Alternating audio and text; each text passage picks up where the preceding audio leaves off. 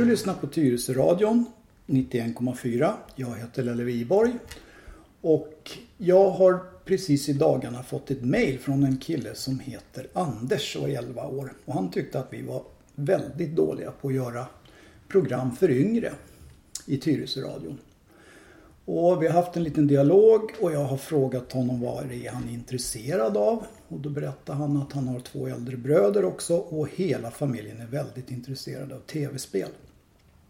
Och det är klart att vi ska försöka bjuda våra lyssnare på någonting ifrån tv-spelsbranschen och ibland så har man ju eh, lösningen på närmare håll än vad man tror. Så att jag har bjudit hit en kille som har jobbat med tv-spel och jobbar fortfarande med tv-spel. Eh, han har väl varit i branschen nu i 20 år. Och jag känner honom ganska väl för det är min egen son. Så att jag säger välkommen till Thomas Wiborg. Tack så mycket. Thomas, du har ju varit i den här branschen nu i 20 år. Och eh, hur börjar det egentligen? Du börjar väl egentligen inte i tv-spelsbranschen utan som eh, skribent? Då? Jo, i tv-spelsbranschen som skribent kanske.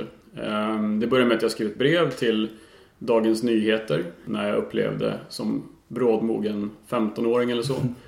Att eh, de var väldigt dåliga på, eller åtminstone behandlade spel på ett styrmodligt sätt. Genom att låta en liten panel med 8 eller 7-åringar recensera spel.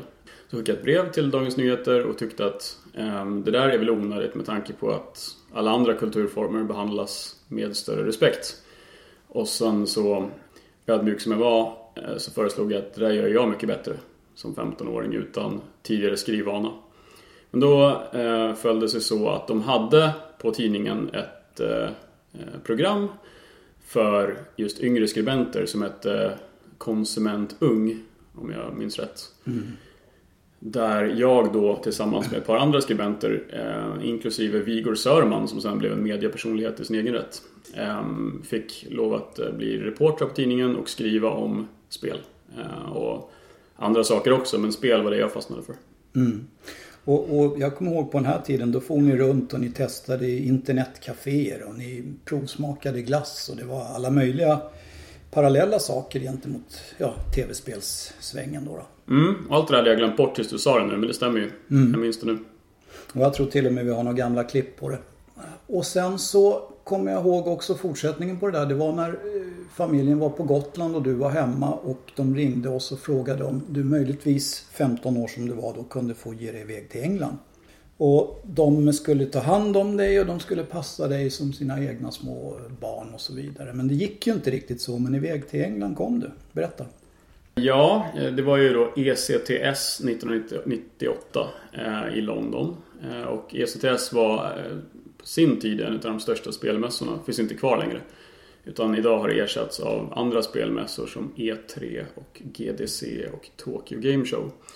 Men på sin tid så var det stort och eh, precis, jag åkte iväg dit och bestående minnet från den resan egentligen är väl att jag fick träffa en av de stora hjältarna då inom spelvärlden som heter Shigeru Miyamoto och är eh, skapare av eh, klassiska spelkaraktärer som Donkey Kong och Super Mario. Okay. en japansk eh, spelvirtuos. Han är fortfarande aktiv och eh, Nintendo är fortfarande väldigt stort. Så att, det var häftigt. För oss som inte är så insatta i tv-spels eh, personligheter, vad, vad, kan man jämföra honom då med? Bill Gates eller Stones eller vad, vad kan man jämföra med? Ja, Bill Gates är ju en annan figur som också har haft inflytande på spelvärlden men jag tror kanske att en lämpligare parallell kanske skulle kunna vara en Steven Spielberg eller så. Mm. Som har mer, mer av en kreativ aura. Okay. Eh, Bill Gates var ju företagsledare och visserligen alltså säkert kreativ på sitt sätt inom operativsystem och eh, mjukvara och sådär men, men just spel eh, Jag har alltid sett på spel som ehm, Mm. En parallell till film eller musik. Ja, just det. Jag tänkte mest på kändisfaktorn liksom, för, för oss som inte är så insatta i spelvärlden så att säga. Men... Ja, det beror väl på hur man ser det. För att beroende på vem du frågar så är det säkert större att träffa Bill Gates än Spielberg eller vice versa. Eh, ja. För, för mig så var det väl som en, en sammanslagning av de båda då. Det, det finns ingen större riktigt inom spelvärlden. Okej. Okay. Ja, eh, där hamnade du i spelvärlden så att säga och sen blev det skrivande både kors och tvärs. Ja, precis. Ehm, I London så träffade jag en blivande kollega, eh, Petter Hegevall heter han. Och eh, tillsammans ehm, så startade vi, eh, jag ska säga att det var mest på hans initiativ, ehm, en speltidning som heter Missil. Som gjordes på Spray förlag, Spray är IT-företaget i Stockholm. Och efter det så hamnade jag på en annan känd speltidning som heter Superplay som sedermera blev Reset och Level. Ehm, och Reset och Level det gavs ut av ett förlag som heter Reset Media som jag var med och grundade. Och allt det här gjorde jag ju då egentligen som en bas för att kunna skriva fortsatt. Och då skrev jag stora artiklar och personporträtt och intervjuer och reste väldigt mycket för att träffa alla de här spelpersonligheterna. För det var väl egentligen syftet eh, sådär. Att vara nära de här kreativa personerna och få skildra dem och deras arbete. Mm. Om vi går tillbaks lite då. Eh, jag är väl medskyldig till att du har hamnat i den här branschen misstänker jag i och med att jag släpade väl hem något eh, väldigt enkelt, simpelt tv-spel. Slutet på, när kan det ha varit? 1989. 1989? Mm. Du har bra koll. Ja, Sega Master System. Jag har ju blivit tvungen att eh, skärskåda det här i efterhand och lyckas lista ut vad det egentligen var för någonting. Och hur, hur allting började för min del. Eh, och det var ett Sega Master System och jag eh, spelade två spel då. Det var de två första spel jag fick. Det var Wonderboy, det allra första Wonderboy-spelet. Det är då en liten plattformsfigur som hoppar Springer till höger och kastar stenyxor på sniglar i princip. Det var väldigt rudimentärt på den tiden. Och sen det andra spelet var Altered Beast. Och det var ett spel där man gick på en kyrkogård och sparkade sönder zombies. Det låter ju brutalt om man tänker på tv-spel idag med dagens glasögon på sig. Men på den tiden så såg det mer ut som legobitar. Så att eh, jag tror inte vi kan eh, åberopa dåligt föräldraskap här. Nej, det är väl för sent nu kanske ändå. Men Ehm, som jag minns det så hade inte du så mycket regler vad det gällde tv-spel. Jag menar idag skrivs det ju spaltmetrar om olämpligheten i att låta sina barn spela för mycket tv-spel och fel sorts tv-spel. Vad tycker du om det? Eh, men idag tycker jag att det är rimligt att man har den dialogen för att spel kan ju i princip se fotorealistiska ut. Det kan vara svårt att skilja spel ifrån filmat material. Och det kan bli väldigt eh, realistiskt, väldigt eh, våldsamt, väldigt läskigt. Beroende på vilken typ av spel man spelar. Mm. Och eh, därmed så är det rimligt att prata om spel för vuxna och spel för barn. För det finns ju både och. Mm. Eh, men på sent 80-tal, tidigt 90-tal så fanns det inte riktigt det fanns inte den detaljrikedomen i grafiken och det historieberättandet, den regin och så vidare som gjorde att det var liksom aldrig någon fara, upplevde jag i alla fall. Ja. Och sen kan man också prata om sådana saker som att på den tiden så var alla spel offline. Alltså man spelade igenom ett spel på 5, 6, 7, 8, 10 timmar kanske på sin höjd. Medan idag kan du spela online och då tar ju spelet aldrig slut. Så att jag kan tänka mig att diskussionen om skärmtid är också en annan idag än vad den var då. Mm. Sen har ju du gjort en, en massa andra grejer som har med tv-spel att göra. Du gjorde bland annat en utställning på Polismuseet som, som eh, skildrade polisens roll i olika tv-spel världen över. Mm. Och det var väl en grej som kom som var ganska udda. Är det någon som har gjort det förut innan du gjorde det? Jag vet inte riktigt. Spel har ju ställts ut både förr och senare. Eh, det är ju i sig ingenting unikt. Men jag vet inte om någon har ställt ut eh, polisskildringar i spel. Det var en förfrågan som jag fick och så tillsammans då med eh, andra sakkunniga, så litteraturvetare och filmkritiker och sådär. Flera stycken från Dagens Nyheter för övrigt. Så, mm, så satt vi i många veckor och brainstormade och sen skrev också mycket på varsitt håll. om hur eh, polisen då, polisarbete skildrades i de respektive medierna.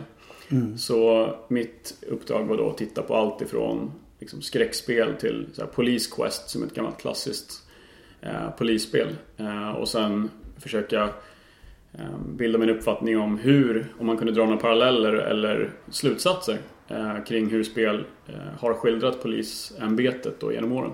Mm. Det var en ganska stor grej det där. Hur blev den mottagen?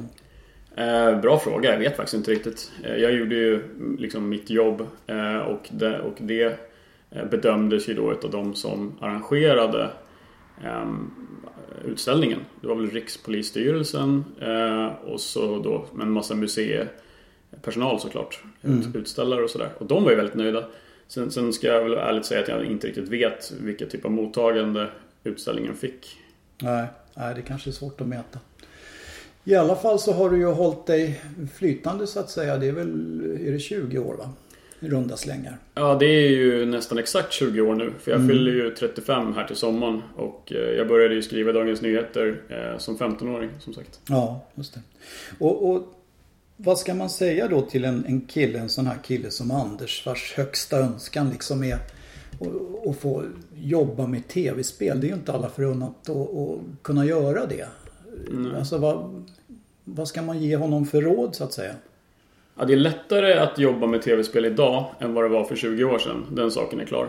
För att eh, spelbranschen har växt eh, explosionsartat och eh, idag är det ju en mångmiljardindustri. Den var ju verkligen i sin linda när jag började. Och det var många eh, enmansprojekt på den tiden och, eh, och mindre hobbyprojekt. Idag så utvecklas ju spel många gånger av eh, team på, på hundratals personer över många, många år. Mm. Eh, och därmed så har också behovet utav kompetens på en massa olika plan ehm, eh, ökats då och, och utvidgats. Så att idag så kan du hitta en, en plats inom spelindustrin oavsett om du är programmerare eller eh, musiker eller grafiker eller animatör eller eh, manusförfattare eller eh, ja, mer allmän ingenjör. Mm. Så det finns väldigt många vägar in. Och eh, några av de mest handfasta tipsen jag kan ge är väl egentligen att eh, titta på de renodlade spelutvecklingskurserna som finns. Eh, och det kan både vara någonting som i stil med KTHs ehm, spelutvecklingskurs, om, eller de har flera. Eh, om du är mer åt ingenjörshållet. Eller så finns det också eh, motsvarigheter då om du är mer artistiskt lagd. Mm. Så det är, väl, det är väl det jag kan säga på rak arm och sen kan det vara värt också att söka internships. Eh, att, att, att försöka bli eh, intagen under några månader kanske på ett spelföretag så att man också får se hur det går till i verkligheten. Det är inte det lättaste. Vi, vi kommer kanske in på det, men jag jobbar mm. på ett spelföretag idag och eh, vi tar inte emot jättemånga. Men de som vi har möjlighet att ta, ta emot brukar uppleva det som Ehm, väldigt givande då. Mm, mm. Eh, ja, när du ändå är inne på det. Du har ju bytt, bytt sida om disken så att säga. Från att ha varit skribent och, och recensent och, och, tyckt och tänkt en massa om olika tv-spel så har du börjat på ett företag som tillverkar tv-spel mm. numera. Sen ett par, vad är det? Två, fem år. Fem år, mm. tiden går. Och det måste ju vara en annan roll i det här. Ja, precis. Eh, jag är ju inte spelutvecklare utan jag har ju alltid skrivit och eh, tyckt till om spel och sådär. Eh, och det har lett då till att Eh, jag har skaffat mig bra koll på branschen såklart efter att ha bevakat den då i 15 år eller så eh, innan jag började på den andra sidan. Eh, och sen har jag ett stort kontaktnät och sådär givetvis. Men ehm, jag är ju kommunikatör då i grunden. Som, som journalist så är man en form av kommunikatör. Så att det är det som, det var den kopplingen som jag såg som tydligast och det steget som var, som var lättast att göra på ett, ehm, ett framgångsrikt sätt. Där jag trodde att jag skulle kunna göra skillnad för ett spelföretag. Mm. Och göra ett bra jobb. Ja. Och nu jobbar du på ett företag som heter Avalanche Studios. Precis. Eh, jag jobbar på Avalanche Studios som finns i Stockholm och New York. Och eh, min titel där är Head of Communications. Kommunikationshuvud. Kommunikationshuvud eller mm. kommunikationschef. Ja, okej. Okay. Och det är, det är lite så här, lite PR, lite marknadsföring eh, och mycket kommunikation. Mm. Trivs du bra med det? Jag trivs jättebra och har gjort det egentligen sedan jag började. Mm. Det är ju en utmaning att byta karriär såklart, även om jag stannade inom spelbranschen. Så att eh, från det första halvåret eller året så var jag såklart nervös och väldigt grön eh, och sådär. Men nu då efter flera år så känner jag mig bekväm och eh, tycker att det är jättekul fortfarande.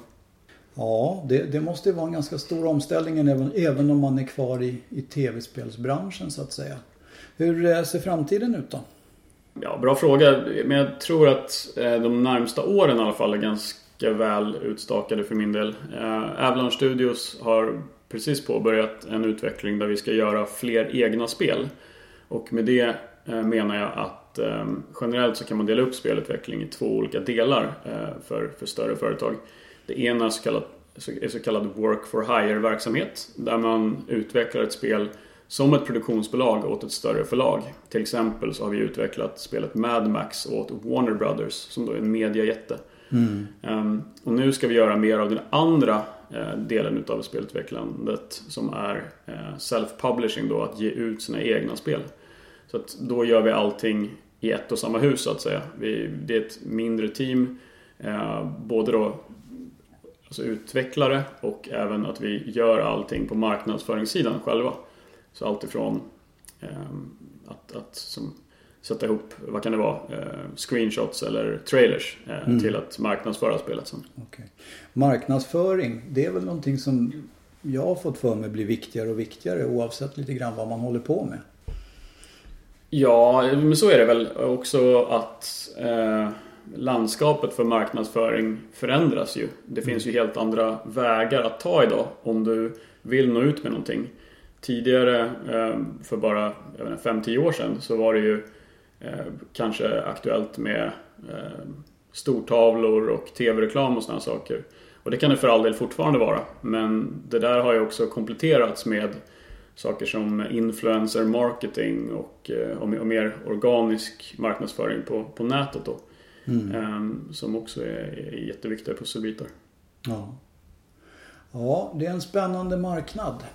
Faktiskt, det, det, måste jag säga. Jag förstår själv inte så mycket av det här med tv-spel och så vidare. Men jag har ju förstått att, att tv-spelsmarknaden idag, den är väl lika stor eller större än hela musikbranschen.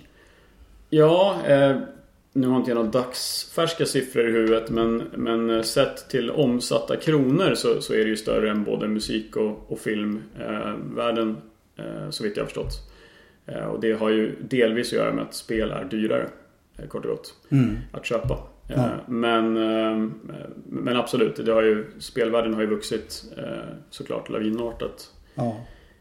Senaste, egentligen sen jag började så har det varit en konstant utveckling uppåt. Mm. Vilka är de stora drakarna i tv-spel? Är det USA förstås? Om du pratar om var i världen som de största spelen utvecklas mm. så, så är det nog USA och eh, Europa. Eh, och då är Sverige faktiskt en ganska eh, viktig spelare, eller stor spelare. Vi är absolut att räkna med, kan man säga. Och sen den andra stora förändringen som har skett sen jag började då för, för 20 år sedan, det är att Japan har blivit mindre viktigt generellt. Ja. Alltså det, Nintendo är som jag sa tidigare fortfarande jättestora och eh, jätteviktiga. Men eh, Japan var liksom ehm, eh, helt ohotat inom vissa genrer när jag började och under flera år därefter. Men idag så skulle jag nog säga att de flesta genrer utvecklas minst lika mycket och väl i Europa och USA också. Okej. Då ser man spelplanen förändras. Ja, men precis. Ja. Ja, det där var en intressant grej och jag hoppas att eh, Anders och hans familj och många fler med honom eh, har fått en liten inblick i det här med spel och spelvärlden och spelbranschen. Utav en som är väldigt initierad sedan 20 år. Så att jag ber att få tacka Thomas Wiborg för den här lilla intervjun. Du lyssnar på Tyresö radion 91,4 och jag heter Lelle Wiborg. around.